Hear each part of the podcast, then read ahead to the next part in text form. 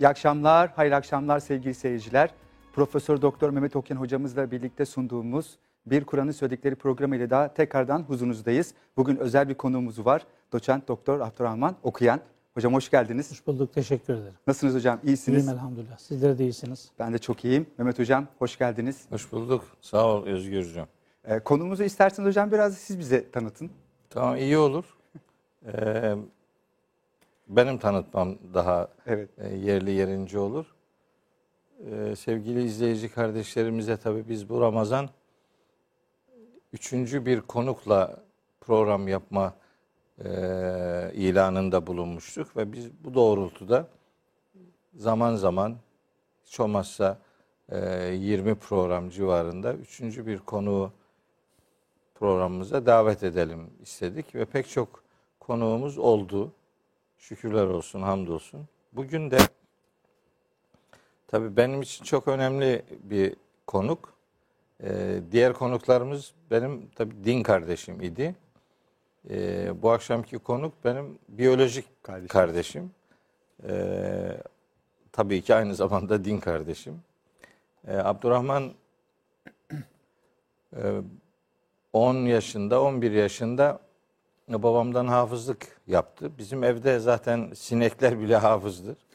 Ee, bizim e, evimizde böyle Kur'an'ın metnine karşı e, yoğun bir sadakat vardı. Rahmetli babamın öyle hassasiyeti vardı. Bizi hafız yaptı. Hem Abdurrahman hem ben.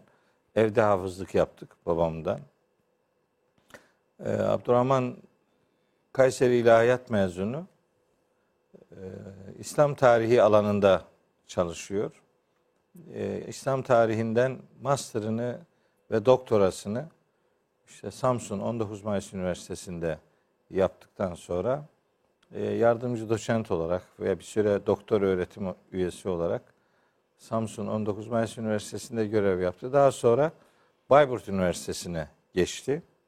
Ee, orada görev yaparken doçent oldu. İslam tarihi alanında çalışıyor.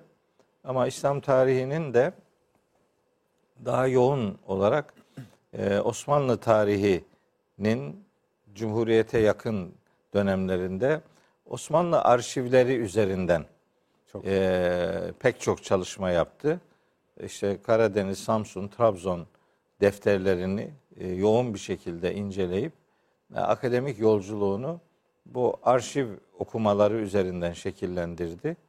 E, hala daha o alanda kendisi e, üretmeye devam ediyor. E, bu arada hafız olduğu için e, hem mesleğini e, hem sosyal hayatını yürütürken Kur'an'la haşir neşir oluşunu e, hayatının en önemli rengi olarak da e, pratiğe dökmeye gayret ediyor. E, dediğim gibi benim için önemli bir e, değeri var. İstedim ki onu da kardeşlerim tanısınlar. O da daha yoğun kitlelere söyleyeceklerini söylemiş olsun. E, bu akşam Hazreti Peygamber'in Evet. ahlakı üzerinden hani branşının da gereği olarak İslam tarihi alanındaki bir akademisyen olarak e, onun söyleyecekleri olacak. E, o söylerken ben de meselenin ayet boyutlarına temas ederek iyi bir program Evet e, yapmayı planlıyoruz. E, başka bir takım özellikleri daha var. Programın sonuna doğru eğer vakit kalırsa Kalırsa onlara da değinmiş oluruz. O zaman Abdurrahman Hocam ben gerçekten bugün de çok bu konuyu duyduğum zaman da heyecanlandım. Ee, Kur'an'ın sen elbette yüce bir ahlak üzerisin dediği Peygamber Efendimiz'i konuşacağız. Yani o bizim için bir örnekti. Onun ahlakı Kur'an'ın ahlakıydı ve bizim için neyi eksik bıraktık hocam hayatımızda? Eksikliğimiz kitap eksikliği değildi onu biliyorum yani. Ama hayatımızda bir şey eksik oldu ki işte bunlar Muhammed'in ümmetinden değil dediler bize yani. O örnekliği gösteremedik hocam. Neyi eksik bıraktık? Evet, ben de tüm izleyicilerimizi saygıyla selamlıyorum. Ramazan-ı Şerif'in milletimize, ülkemize, tüm İslam alemine hayırlar getirmesini Cenab-ı Hak'tan niyaz ediyorum. Tabii bizim dinimizin temel iki özelliği var. Temel iki kaynağı var. Bunlardan bir tanesi Allahu Teala'nın kelamı Kur'an-ı Kerim. Evet. Bize ne yapacağımızı söyleyen Allah kelamı. Bir diğeri de onu nasıl yapacağımızı öğreten Allah'ın Resulü, onun sünneti, onun ahlakı, onun değerleri. Ee, Tabi Hz. Peygamber'in e, hayatında iman, ibadet, ahlak bir bütün olarak düşünülmeli. Peygamber olmadan önceki haliyle, hayatıyla nasıl Muhammedül Emin, Emin. güvenilir Muhammed vasfına sahip olmuşsa elbette ki peygamber olduktan sonra da vahyin inşa etmesiyle, Cenab-ı Hakk'ın terbiyesiyle yetişmesiyle, vahyin terbiyesiyle yetişmesiyle insanlığa en güzel örnek olarak sunuldu diye düşünüyorum. Kur'an-ı Kerim Hazreti Peygamber'den söz ederken Estaizu billah ve inneke le ala hulukin azim buyuruyor. Muhakkak ki sen büyük bir ahlak üzeresin. Senin ahlakın insanlık için en güzel örnek şeklinde değerlendirilebilecek e, bir anlayış ortaya koyuyor. Dolayısıyla yani buradan hareketle Hazreti Peygamber Aleyhisselatü Vesselam'ın hayatı bizim için neyi ifade ediyor? Bu soruya cevap bulmamız lazım. Ben her daim şunu derslerimde de söyledim. Diğer konuşmalarda da üzerinde çok durmaya gayret ediyorum. Hazreti Peygamber'in bu ümmet tarafından doğru tanınması gerekiyor. Evet. Hazreti Peygamber'i doğru tanıyabilmenin yolu da öncelikli olarak onu inşa eden, onu yetiştiren, onu insanlığa en güzel örnek olarak sunan, seçen Cenab-ı Hakk'ın kelamı olan Kur'an-ı Kerim'den tanımamız gerekir diye düşünüyorum. Oradan başlamamız gerekiyor. Hazreti Peygamber'i Kur'an-ı Kerim'den tanımaya başladığımızda onu en doğru şekilde tanıyanın tanıttığı gibi tanıma imkanına kavuşuyoruz. Nedir? Çocukluğuyla ilgili, gençliğiyle ilgili bilgilerden başlamak suretiyle, yetimliğiyle ilgili bilgilerden başlamak suretiyle Allah Resulü'nün 23 yıllık risaleti, peygamberliği, elçiliği sürecinde Kur'an-ı Kerim hemen hemen insan hayatına lazım olan her konuyu Hz. Peygamber'in örnekliğiyle bize sunmaktadır. Dolayısıyla peygamberimizi doğru kaynaklarda, doğru şekilde tanıyabildiğimiz ölçüde bu anlamda başarılı olacağımıza inanıyorum. Peygamberimizi çok seviyoruz. Bu konuda yani ümmetin herhangi bir tereddüt olduğu kanaatinde değilim. Ancak Hazreti Peygamber'i gerçekten seviyor muyuz? Bu soruya doğru bir cevap bulmamız lazım. Bu konuda biraz eksiklerimiz olduğunu düşünüyorum. Nedir o? Yani Hazreti Peygamber'in ahlakıyla ahlaklanmak Evet. diye ciddi bir eksiğimiz var.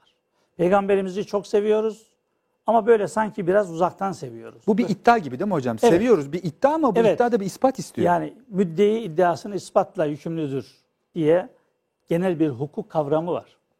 Dolayısıyla bu kavram çerçevesinde peygamberimizi doğru çok sevdiğimizi iddia ediyorsak bunu doğru davranışlarla Hz. Peygamber'in hayatına, sünnet-i seniyyesine, onun hayatta uyguladıklarına, onun ahlakına, onun değerlerine uygun bir hayat tarzı benimsemek gibi bir zorunluluğumuz olduğu kanaatindeyim. Dolayısıyla bunun için fedakarlık gerekiyor. Fedakarlık yapmadan, bedel ödemeden, çaba sarf etmeden böyle kısa yollarla cennete gitmenin ben çok kolay olduğunu düşünmüyorum. Cenab-ı Hak Kur'an-ı Kerim'de Hazreti Peygamber'in gelmiş geçmiş bütün günahlarının bağışlandığını müjdeliyor. Buna rağmen Hazreti Peygamber yani uzun süreler, geceler boyu ibadetle meşgul oluyor. Meşhurdur, izleyicilerimiz bilirler. Hazreti Ayşe'nin Hazreti Peygamber'e Ya Muhammed senin gelmiş geçmiş bütün günahların bağışlandığı bunu biliyorsun. Buna rağmen neden bu kadar çok ibadet ediyorsun diye soruyor. Hazreti Peygamber'in verdiği cevap ben Allah'a iyi bir kul olmayayım diyor Allah Resulü. Dolayısıyla gelmiş geçmiş bütün günahları bağışlandığı bilinen bir peygamberin, bir Allah elçisinin e, farzlara ilave olarak bizim nafile diye tabir ettiğimiz pek çok ibadeti yapmaktan yorulurcasına yapmaktan vazgeçmemesi e, Hz. Peygamber'in örnek alınması noktasında bizim için son derece önem arz eder diye düşünüyorum. Bizim için çok manidardır diye düşünüyorum. Çünkü Allah Resulü'nün örnek alınmadığı bir dünyada Allah Resulü'nü çok seviyorum demek havada kalan bir söz gibi olacaktır diye düşünüyorum. Hocam demin dediniz ya farz ibadetlerinin dışında yaptığı kendi işi var. Sünnet diye tabir ediyoruz. Evet. Bu e, sanki Allah'ın ona verdiği emri olan namazı bir emir komutadan çıkartıp önüne ve arkalarına e, hediyeler koyarak onu bir muhabbete, aşka dönüştürüyor yani. Eyvallah.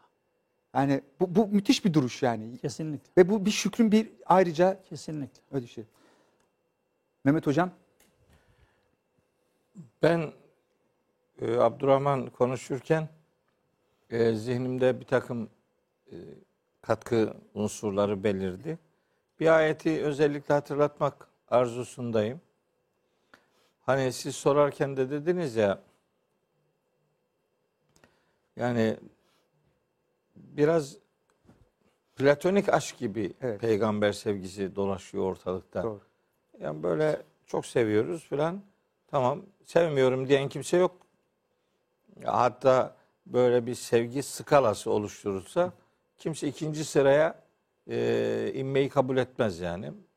Mesela şöyle şeyler yaşıyoruz. İşte hacca, umreye giden insanlar e, bir yakınlarıyla vedalaşırken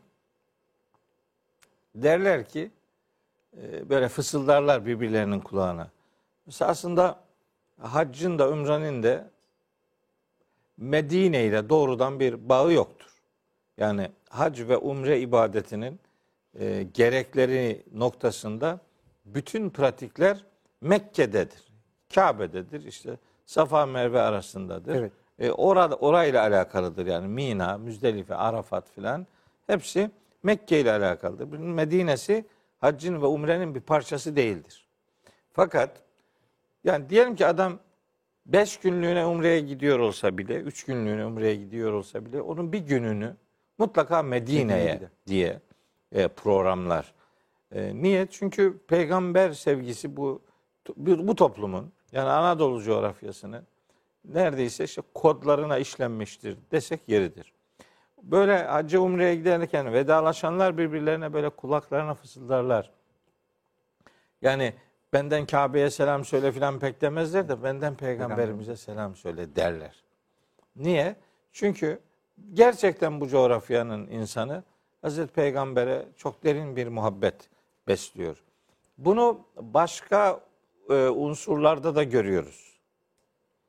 E, nerede görüyoruz? Mesela işte çocuklarına isim verirken bakıyorsunuz yani işte Ahmet, Mehmet, Muhammed, e, Mahmud, işte Hamid, Hamid gibi kelimeleri böyle peygamberimizin adıyla işte Mustafa e, ismini böyle çok yoğun görürsünüz. Bu Hazreti Peygamber sevgisiyle alakalı bir hassasiyettir. E, bu öyle bir göstergedir hayatımızda. Diğer peygamberlerin isimlerini de işin içine katarsanız bizim milletimizin dini duyarlılığının oldukça iyi olduğunu rahatlıkla söyleyebiliriz. Hatta mesela bizim milletimiz e, imanının iman kavramının e, hayatındaki çok önemli e, unsurlarla bütünleştirerek kullandığını görürsünüz. Mesela işte emanet, mesela emin olmak, işte güvenilir olmak, mesela işte emniyet. Bunlar iman köküyle alakalı kelimelerdir. İşte yedi emin derler mesela. Şehri emin derler.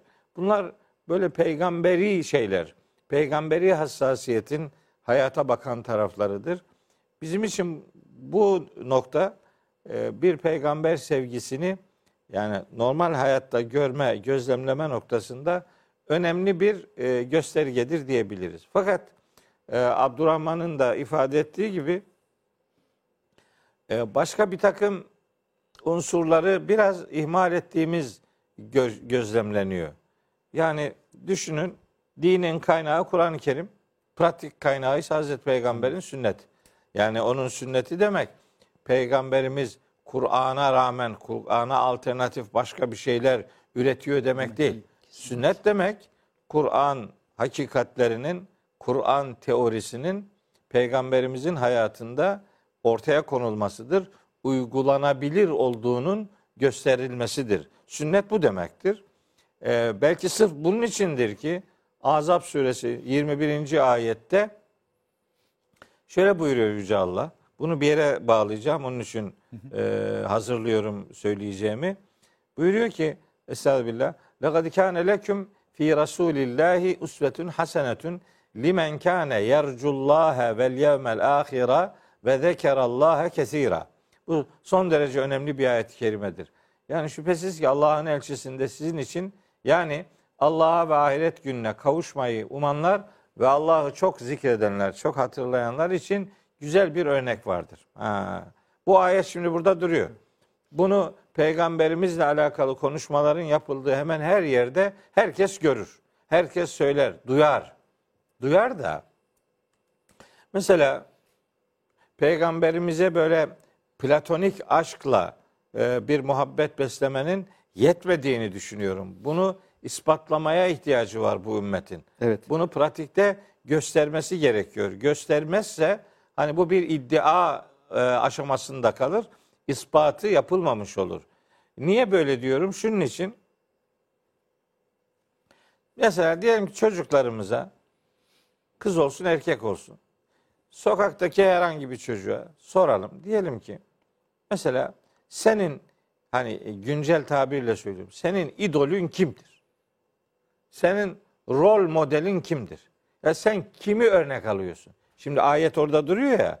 Sizin için en güzel örnektir diyor. En güzel. E, üsvetün hasenetün. Güzel örnek yani. Daha iyisi yok yani. Yani, yani bu budur yani. Allah seni seni örnek alman noktasında inşa ettiği kişi Hazreti Muhammed Aleyhisselam. Hatta hatta bir ayet daha söyleyeyim. Onun üzerinden e, konuyu bağlayacağım. E, Ali İmran suresi 31. ayette de Uğur kardeşim bir zahmet onu da e, verirsen iyi olur. Ali İmran 31. ayette diyor ki Kul in kuntum tuhibbunallaha de ki siz eğer Allah'ı seviyorsanız fettebi'uni Evet. bana tabi olun. Bana tabi olun. Ne demek bu biliyor musunuz? Başkasına uymayacaksın insan olarak. Sadece Hz. Muhammed'e uyacaksın sallallahu aleyhi ve sellem. Yani ona uyarsanız yani Allah'ı sevginizin ispatı Hazreti Peygamber'e uymak, tabi olmak. Peki bunun getirisi nedir? Yuhbibkumullahu. Allah'ın da sizi sevmesi. Allah'ın sevgisini kazanmak istiyorsanız sizin için güzel örnek olan Hz. Muhammed'e tabi olacaksınız, uyacaksınız. Onun da uyulma, uymasını Allahu Teala'nın emrettiği kaynak Kur'an-ı Kerim'dir. Yani siz Kur'an'ın inşa ettiği Hazreti Peygamber'e uyarsanız aslında onu inşa eden Kur'an'a uymuş olursunuz. Dolayısıyla hani Kur'an ve peygamber diye bir ayrımdan söz etmek kesinlikle doğru değildir. Bu Kur'an'ı da Hazreti Peygamber'i de tanımamak demektir. yani. Bu ikisi hani Kur'an canlanıp geçseydi e, Muhammed Aleyhisselam olurdu. Muhammed Aleyhisselam yazılsaydı kitap olarak Kur'an olurdu. Kur'an olurdu. Yani bu ikisi böyle olmaz yani ayrılmaz yani. Hani böyle bazen pompalıyorlar işte böyle peygamber düşmanı falan. Kur'ancı peygamber düşmanı. Böyle bir şey olabilir mi ya? Kur'an Müslümanı deyince işte bak diyor bu peygamberi reddediyor. Böyle bir şey olur mu? Bu ümmet önce Hazreti Muhammed'e iman etti peygamber olarak. Ondan sonra peygamberimize imanın sonrası da Kur'an'a iman etti. Şimdi de Kur'an'ı anlayarak Hazreti Peygamber'in gerçek peygamber olduğunu tescilliyor kendi zihninde. Dolayısıyla bunlar birbirinin yani e, rakibi gibi Evet. gösterilerek korkunç bir hata yapılıyor. Buna hiçbir Müslümanın düşmemesi gerekiyor. Bakın peygambere tabi olacaksınız ki Allah'ın sevgisini kazanasınız. Yetmedi. Ve yağfir leküm zünubeküm o Ali İmran 31. ayette diyor ki böylece Allah sizin günahlarınızı da bağışlar. Ha, yani Allah'ın sevgisini kazanmaktan daha büyük bir lütuf olabilir mi? Bundan daha büyük bir izzet, bundan daha büyük bir şeref olabilir mi? Bundan daha büyük bir onur hayal edilebilir mi? Allah'ın sizi sevmesi. İşte Allahu Teala'nın bizi sevmesinin yolu Hazreti Peygamber'e tabi olmak diye belirlenmiştir. Başka ayetler de var. Mesela Zuhruf suresi 61. ayet var. Mesela Araf suresi 157. ayet var. Peygamberimize uyacağız. Öyle ifade ediyor. Peki nasıl uyacağız? Ortada peygamberimiz yok. Beden olarak, biyolojik Evet. olarak ortada peygamberimiz yok. Ama Allahu Teala bize diyor ki ona uyun. Peki nasıl olacak bu? Şimdi çok çarpıcı bir ayet okumak istiyorum. Uğur kardeşim 49. surenin 7. ayetini Hücurat suresi 7. ayeti bir e, yakından görelim bakalım e, durumumuz nedir? Duruşumuz nedir yani? E, ayet şöyle başlıyor. 49. sure 7. ayet. Ve alemu ve alemu iyi bilin ki enne fîküm rasûlallâhi. Aa, aranızda Allah'ın Resulü var. Aranızda Allah'ın Resulü var deyince biz şimdi şöyle hani şöyle bir, bir durmak zorunda değil miyiz? Yani ne diyor? Şimdi ne demek istiyor bu acaba? Aramızda Allah'ın Resulü var. E yok. Beden olarak, biyolojik bir varlık olarak, cisim olarak, ceset olarak Hazreti Peygamber aramızda değil. Ama Allah aranızda diyor. Bu ayetin indirildiği dönemde peygamberimiz o toplumun arasındaydı zaten. Evet. Tamam. İndirildiği dönem için söylenecek bir şey yok. Zaten oradaydı. Hatta diyor ki lev yuti'ukum fi kesirin minel emri. Eğer peygamber size işlerin pek çoğunda size itaat etmiş olsaydı, yani sizin dediğinizi yapsaydı, o zaman lanettum mutlaka Sıkıntıya düşer. evet evet daralırdınız yani sıkıntıya düşerdiniz. Şimdi bu ayet indirildiği dönemde Medine'deki Müslümanları uyarıyor. Yani aranızda Allah'ın elçisi var. Siz ona tabi olun, onun dediğini yapın demek istiyor. Eğer onu size uydurmaya çalışırsanız olmaz. Problemlerle karşılaşırsınız, e, sıkıntıya düşersiniz diyor o zamana. Peki bu zamana bize ne diyor? Öyle değil mi? Şimdi bu ayeti Tabii, üzerimize Şimdi almayacağız. yani. buralarımızdan nasıl okuyacağız bunu? Değil mi yani? Öyle peygamberimizi çok seviyoruz. Tamam. E Allahu Teala da peygamber aranızda diyor. Nasıl anlayacağız biz bunu? Bu sevgiyle bu aramızda oluşu nasıl buluşturacağız? Hatta bir ayet daha söyleyeyim. Ee, Hücurat suresinin gene aynı surenin Uğurcuğum aynı surenin birinci ve ikinci ayetlerini de bir zahmet verirsen kardeşlerim bir görsünler. Diyor ki bak Özgürcüğüm bu, bugün inen ayet bu olsun size. Diyor ki ya eyyühellezine amenü ey iman edenler la tukaddimu beyne yedeyillahi ve rasulihi Allah'ın ve elçisinin önüne geçmeyin. Evet. Ne, ne demek istiyor? Ne demek istiyor yani? Ayetin indirildiği dönem itibariyle Resulün önüne geçmemeyi anlarız. Yani ondan önce bir şey yapmayın. Onun yaptığı şeyleri bekleyin. O nasıl yapıyorsa siz de öyle yapın. Onu örnek alın. Yani onun peşinden gidin tamam. Peki Allah'ın önüne geçmemek ne demek? Yani Allahu Teala haşa bir biyolojik nesnel bir varlık değil. Anlaşılıyor ki orada başka bir şey var. Yani Resulünün önüne geçmemek, Allah'ın önüne geçmemek anlaşılıyor ki Allah'ın dediklerinin önüne geçmemek. Bu anlaşılıyor yani. Hem o gün için Allah'ın önüne geçmemek böyle anlaşılmıştı. Hem bugün için Allah'ın önüne geçmemek, Allah'ın dediğinin e, ötesine geçmemek gerekir. Peki Resulünün önüne geçmemek nedir? O gün için biyolojik olarak, fiziksel anlamda ondan önce bir şey yapmamak anlamına gelirdi. Tamam. Peki ama bugün için, bugün ortada peygamber yok. Biz onun önüne geçmeme ifadesiyle neyi anlayacağız biz şimdi? Eğer derlerse ki bu ayet Medine dönemiyle alakalıdır, orayla ilgilidir. E o zaman tarihsel oluyor. O zaman bu, bu kitap bize bir şey dememiş oluyor yani. Değil mi? Ya Tarihe biz- gömülmüş, kalmış, bitmiş. oluyor. Evet kalmış bir fotoğraf çekti öyle orada duruyor. Cık, Olmaz. Şimdi ikinci ayeti okuyalım bak biraz daha şey. Enteresan. Hani birinci ayetin sonunda diyor ki Vettakullah Allah'a karşı muttaki olun. Duyarlı olun. Sorumluluğunuzu bilin. Sorumlu davranın. İnnallâhe semiyun alim. Allah her şeyi işitendir. Her şeyi bilendir. Şimdi ikinci ayete bak. Ya eyyühellezine amenü. Ey iman edenler. Bu ayetleri anlamamız lazım. Bu ayetler burada duruyor. O zaman bunları hayatımıza taşımamız lazım. Üstelik bu ayetler bizim peygamberimizle ilişkimizi düzenleyen ayetlerdir.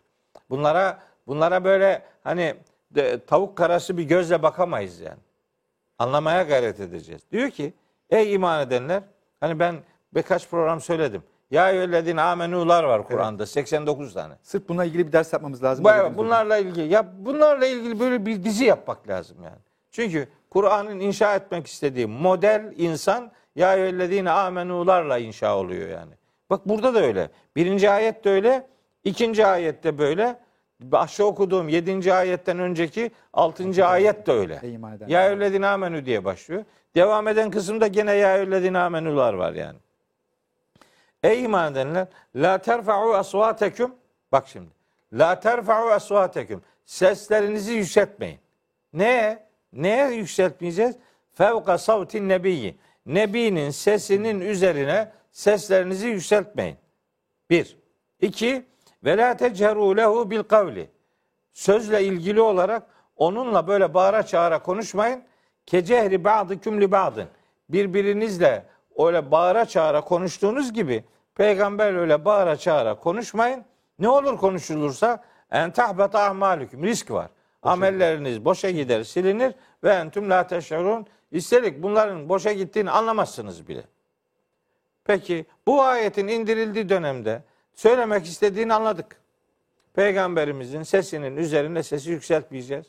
Kendi aramızda bağıra çağıra konuştuğumuz gibi onunla da öyle konuşmayacağız. Tamam anladık. Şimdi ne Şimdi hocam? şimdi ne olacak bu ayet? Peygamberimizle ilişkimizi düzenleme anlamında okuyorum bunları. Efendim onun döneminde 3. ayette diyor ki innellezine yeguddun asvatehum inde rasulillah. Allah'ın Resulü'nün yanında seslerini kısanlar var ya ulaikellezine emtahanallahu kulubahum littakva. Kalplerini Allah'ın takva ile imtihan ettiği yani takva imtihanını başardığı belirlenen insanlardır. Onunla adam gibi nezaheti, nezaketi koruyarak e, ilişki içerisine gireceksiniz diyor. Sonra da e, dördüncü ayette diyor ki innellezine yenaduneke min vera'il hucurati ekseruhum la yaqilun. Sana öyle odaların arkasından bağırıp çağırıp seslenenler var ya bunların çoğu aklını çalıştırmıyorlar. Ve lev ennehum sabaru hatta tehruce ileyhim lekâne hayren lehum. Senin onların yanına çıkmanı bekleselerdi onlar için çok daha hayırlı olurdu. Böyle bağırıp çağırmaları doğru değil. Yani fiziksel olarak, biyolojik olarak e, onunla ilişkiyi düzenleyen ayetler bunlar. Yedi ayet. Hücurat suresinin ilk yedi ayeti onunla peygamberimizle ümmetin e, fiziksel il- iletişimini düzenleyen ayetler. Anladık. Peki ya bugün ne olacak? Biz şimdi peygamberimizin önüne geçmemeyi nasıl anlayacağız? Peygamberimizin sesinin üzerine sesimizi yükseltmememiz lazım geldiğini nasıl anlayacağız? Sesimizi kısmamızı nasıl anlayacağız? Değil mi? Bu önemli bir problem değil mi? Bu ayetler yoksa tarihsel kalır bize hiçbir Evet. şey demez. Bakın bunun ne demek olduğunu Özgürcüğüm. Bu yani Hücurat suresinin ilk beş ayetinde anlatılanların ne demek olduğunu eğer anlamak istiyorsa bir Kur'an okuru açacak Ahzab suresi yani 33. surenin 36. ayetini okuyacak. Bu 33. surenin 36. ayetini okumadan Hücurat suresinin ilk ayet grubunda anlatılmak istenenleri hakkıyla anlayamaz. Çizmişim hocam. Ayetler birbiriyle ilişkilendirilerek okunacak. Bunu okumadın mı o zaman diyeceksin ki bu ayet bize bir şey demiyor. İşte oraya evrilecek. Ondan kurtulmak için Azap 36. ayette bakalım ne diyor. Hem hem yani Allah'ın önüne geçmemek hem Resulünün önüne geçmemek ne demekmiş? Bu Ahzab suresi 36. ayette açıklanıyor. Diyor ki Rabbimiz ve ma kâne li mu'minin ve la mu'minetin. Hiçbir mümin erkek ve hiçbir mümin kadın için şöyle bir durum yok olmaz. Olamaz. İza kadallahu ve rasuluhu emren Allah ve Resulü bir konuda hüküm verdiği zaman en yekûne lehumul hiyaratu min emrihim. O insanların, mümin erkek ve kadınların o işle alakalı herhangi bir tercih hakkı yoktur. Müslümansanız Allah'ın dediğine teslim olacaksınız. Müslümansanız onun Resulünün dediğine teslim olacaksınız. Onun Resulünün dedi zaten Resul kelimesini kullandığı için elçi demektir. Elçiye itaat ederseniz onu gönderene itaat etmiş olursunuz. Belki sırf bunun içindir ki Nisa suresinde Allahu Teala 80 e, 81. ayet veya 80. ayettir herhalde. Buyuruyor ki men yuti'ir rasule fakat ata Allah. Nisa suresi 80. ayet.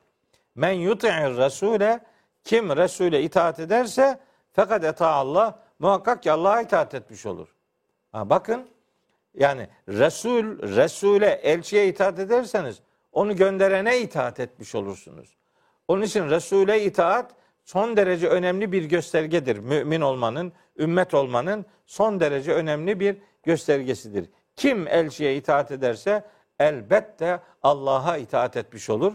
Bu itibarla bizim peygamberimizle ilişkimizi, iletişimimizi düzenleyen şey aslında Allah'ın ve Resulünün herhangi bir konuda hüküm vermiş olduğu durumlarda bir mümin erkek ve kadının o konuda başka bir alternatif arayışına girmemesi beklenir. Müslüman olmak teslim olmayı ortaya koyar. Teslimiyet içerisine gireceğiz. Peki bu peygamberimizle alakalı işte Allah'ın Resulü aranızdadır dedi ya en başta okuduğum ayet-i kerime.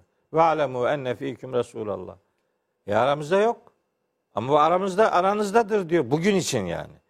İndiği dönemde aralarındaydı tamam ama bugün bugün de aramızda. Nasıl? Mesajıyla aramızdadır. Yani buradaki Resul kelimesini elçi olarak algı, almak mecburiyetindeyiz. Biyolojik olarak elçi Hazreti Muhammed'dir aleyhisselam. Ama e, metodik olarak Risaleti devam teo- ediyor. teorik olarak onun risaleti devam ettiği için onun o gün toplumuna ilettiği mesaj bugün elimizde olan Kur'an-ı Kerim'dir. Siz bugün Resulullah'a itaat etmek, onunla bir hayat e, hayal etmek istiyorsanız bir tanecik yolunuz var. Allah'ın kitabına sarılacaksınız. O aranızdadır zaten. Allah'ın kitabına siz uyacaksınız. Kitabı kendinize uydurmayacaksınız. Kitabullah'a uyacaksınız. Kitabına uydurmayacaksınız. Bu burada duruyor. Bu bizim müracaatgahımızdır. Hücurat suresi 7. ayet öyle süs olsun diye orada durmuyor. Hayata taşıyacaksınız bunu.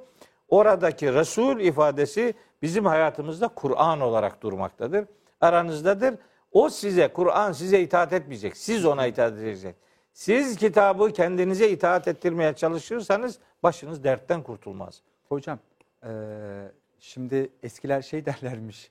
İlim ve edep yan yana geldiğinde eee, edep konuşurmuş. Kardeşim kardeşiniz de sanırım bu edep bugün konuşturdu. En azından ona da sormak istediğim bir şey var. Süremiz 10 dakika kaldı hocam çünkü. Yapma ya. Hocam valla. Ben hemen sustum. Eee, Ama ben e, o konuşuyormuş gibi kabul eder o. süper. Bir problem yok. Hocam, e, Abdurrahman hocam, e, gene hocam çok güzel Ashap'la, Nisa'yla, Hucurat'la o şeyi bağladı. E, bize böyle sizi hayrete düşüren, onun ahlakı, Hazreti Ayşe'ye soruyorlar mesela, onun ahlakı nasıl bir ahlaktı diye. Yine siz onun ahlakına örnekler verebilir misiniz? Sizi hayrete düşüren, etkileyen nelerdi? Tabii. Yani Hz. Peygamber aleyhissalatü vesselamın e, hayatının başlangıcından itibaren nihayetine kadar olan sürecin tamamı bizim için değerli ve kıymetlidir. Her anı bizim için bir fırsat olarak görülmelidir diye düşünüyorum. E, hocamızın da ifade ettiği gibi Nasıl hocamız? yani Ben kardeşim diyorum, sen de abi de. Tabii olsun, sıkıntı yok. Ee, ağabeyimin de ifade ettiği gibi diyelim. Ee, yani onu doğru şekilde Allah'ın ayetleriyle tanırsak biz ciddi manada yol alırız diye düşünüyorum. Hayatın da çünkü her yönü bizim için birer ibret vesikası. Çocukluğu, yetim oluşu, gençliği, hayatını idame ettirmek için çaba sarf etmesi, hazırcı bir anlayışa hiçbir zaman tevessül etmemesi, peygamberlikle görevlendirilişi, çektiği eziyetler, bu eziyetler karşısında son derece sabırlı oluşu, Cenab-ı Hakk'ın ifadesiyle muhataplarına davranışlarındaki yumuşaklık, yeri geldiğinde dik duruş, Evet. bütün bunları bir arada değerlendirdiğimizde Hz. Peygamber aleyhissalatü vesselamın hayatının baştan aşağıya bizim için son derece değerli ve son derece kıymetli örnekler teşkil ettiğini bilmemiz gerekiyor. Sadece bilmek yetmez, uygulamamız gerekiyor. Yani sözle değil, icraatla Allah Resulü'nü sevmek, anlamak, tanımak, tanıtmak, örnek olmak. Özellikle biz ilahiyatçılar olarak sadece söylemlerle yetinmek durumunda değiliz. Bizim örnekler teşkil etmemiz lazım. Kesinlikle. Yani Hazreti Peygamber'in ister idareciliği olsun, devlet idareciliği olsun, ister ticaret ahlakı olsun, ister aile reisliği İster olsun, asker komutan olarak. ister komutan, ister komutan olsun. Yani bunu e, hayatın her yönüyle ele alabilirsiniz. Neresinden bakarsanız bakın, Hazreti Peygamber'in bizim için en değerli, en kıymetli örnek olduğunu göreceksiniz. Yani Kur'an-ı Kerim e, ne yapmamızı emreder, Hazreti Peygamber bunu nasıl, nasıl yapacağımızı gösterir. İşte Kur'an ve sünnet derken ki kastımız da budur. Hazreti Peygamber'in hayatı Kur'an'ın hayatıdır. Dini konularda peygamberin söyledikleri, aleyhissalatü vesselamın söylediklerinin tamamı bizi bağlar. Ancak özel hayatı ile ilgili kültürden kaynaklanan bir takım hususiyetler olabilir. Örneğin işte örtünmek Allahu Teala'nın emri. Ancak neyle örtüneceğimiz konusunda değil mi? Somut bir şey yok yani. Kültürlere bırakılmış, belki iklimlere bırakılmış, belki insanların hayat felsefelerine, hayat anlayışlarına bırakılmış ama temel değer nedir? Allahu Teala Teala'nın çizdiği sınırlar ve Hazreti Peygamber'in bu sınırlar noktasında bize gösterdiği örneklikler. Bu bağlamda baktığımızda Hazreti Peygamber'in hayatının baştan sona kadar her yönüyle bizim için örnek olduğunu rahatlıkla ifade edebiliriz. Hocam kendisi yetimdi. Evet. Yani yetimlerle ilişkisi nasıldı? Ee, yani çok amiyane bir tabir var. Hani bana damdan getiren birini getirin derler değil mi? Damdan düşen. Damdan düşen birini getirin derler. Hikayeyi bilen o yani. Evet yani dolayısıyla Hazreti Peygamber'in yetimlere bakışı bir defa kendisinin yetimliğiyle doğrudan alakalıdır. Yetimken nelere muhatap olduğu, nasıl zorluklar çektiği, her ne kadar e, dedesi, amcası ona sahip çıktıysa da Hiç hissettirtmedi sanki onu böyle. Kesinlikle, yani e, özellikle amcasının hanımın Hazreti Peygamber'e nasıl anne gibi davrandığı, onu nasıl çocuklardan ayırmadığı noktasında kaynaklarımızda pek çok örnek mevcut. Hazreti Peygamber dolayısıyla bu süreci bizzat kendisi yaşadığı için e, yetimler konusunda çok hassas olduğunu görüyoruz. Zeyd bin Harise'ye olan e, kuşatıcılığı, onu evine alması, onu yetiştirmesi, onunla ilgilenmesi. Tabii bütün bunlar bizim için birer güzel örnek. Ancak O kadar yetiştirmiş ki Abdurrahman. Millet ona Zeyd'e Muhammed'in oğlu diyordu. kesinlikle Yani yani peygamberimiz onu o kadar savundu, o kadar sahiplendi, o kadar kendinden gibi e, algıladı ki etraftakiler ona kendi babasının kim olduğu bilinmesine rağmen Muhammed'in oğlu diye hitap ediyorlardı. yetimlerin babası Evet yani şeklindeki ifadeler de elbette ki son derece değerli ve kıymetli. Tabi Hazreti Peygamber'in hayatındaki bu özellikleri biz anlatmaya gayret ediyoruz. Fakat bunları kendi hayatlarımızla da örnek olarak ortaya koymak zorundayız. Ben bu anlamda yeri gelmişken Riya'dan Cenab-ı Hakk'a sığınırım. Ee, koruyucu ailelik hususuna özellikle yakın bir zaman diliminde geçirdiğimiz büyük bir deprem deprem felaketi oldu malumunuz. Pek çok canımızı kaybettik. Ölenlere Cenab-ı Hak'tan rahmet diliyorum. Yaralılara acil şifa diliyorum. İnşallah epeyce düzelmişlerdir. Milletimize başsağlığı diliyorum. Ee, Böyle bir süreçte pek çok çocuk yetim kaldı. Yani Hazreti Peygamber yetimlere çok iyi davranıyordu. İşte bugün de bir sürü yetimle muhatabız. Hadi bakalım Hazreti Peygamber'i çok seviyorduk. Onu çok seviyorsan Hazreti Peygamber'in davrandığı gibi davranabilmenin fırsatlarını kollayacaksın. Müslümana yakışan budur. Dolayısıyla böyle bir ortamda e, o çocuklara sahip çıkmak, o çocukların yüreğine dokunmak, onların elinden tutmak, onlara ümit olmak, onların geleceğini inşa noktasında Hazreti Peygamber'in ahlakıyla ahlaklanıp onları o ahlakla ahlaklandırmak son derece ehemmiyet arz ediyor. E, ben de acizane e, aşağı yukarı iki yıl oldu, iki yılı geçti. E, bir yavruya koruyucu aile olmayı e, düşündük. Daha doğrusu eşim e, bu konuda çok ısrarcı oldu. E, başka bir aile yakınım, e, aile sosyal hizmetler e, kurumunda, il müdürlüğünde çalışıyor dedi. Ondan da bir takım bilgiler aldık. E, bir çocuğa dokunmanın, bir çocuğa rehber olmanın, bir çocuğa sıcak yuva oluşturmanın e, önemi üzerinde epeyce telkinler oldu. Çok etkilendik. Hani hep insanlara anlatıyoruz, biz ne yapıyoruz diye e, sorguladım kendimi doğrusunu isterseniz. Eşimin de ısrarlı talepleriyle koruyucu aile olmaya karar verdik. E, bir yavrumuza koruyucu ailelik yapmaya başladık iki yıldır. Yani Hazreti Peygamber'i süt annesi aldığında evine bereketler geldi, işte huzur buldular gibi rivayetler kaynaklarımızda çoktur. Emin olun benzerlerini çok daha fazlasını yaşadığımızı düşünüyorum. Çok daha fazlasından kastım ummadığımız lütuflarla muhatap olduk diye düşünüyorum. Cenab-ı Hak sadece ahirette değil dünyada da ödüllendiriyor diye düşünüyorum. Bu vesileyle e, yani iki tane oğlum var. Cenab-ı Hak onları da hayırlı eylesin inşallah. İşte bir tane de kızımız oldu. Emin olun yani o çocukları birbirinden ayırmak bugün benim için mümkün değil. Hazreti Peygamber'i anlama noktasında bu tür eylemlerin son derece değerli olduğunu düşünüyorum. Ve kesinlikle özellikle depremden birkaç ay önce yaşadığımız depremden e, dolayı pek çok yavrumuz elbette ki e, aile saadetinden uzak kaldılar, kalacaklar. E, elbette ki bu işin bir prosedürü var. O prosedürün Evet. yerine gelmesi gerekir. Şartlar var. Onları iyi sağlamak gerekir. E, ben tüm vatandaşlarımızı, durumu müsait olanları, ben peygamberimi çok seviyorum diyenleri bu duygu ve düşüncelerini ispata davet ediyorum.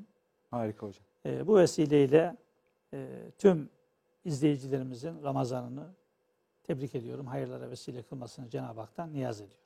Hocam gerçekten sosyal bir yara bu. Ee, ve imanınızı en güzel şekilde iddia, iddiaydı, iman bir iddiaydı ve bu ispat biçimi oldu bu. O çocuklara dokundunuz.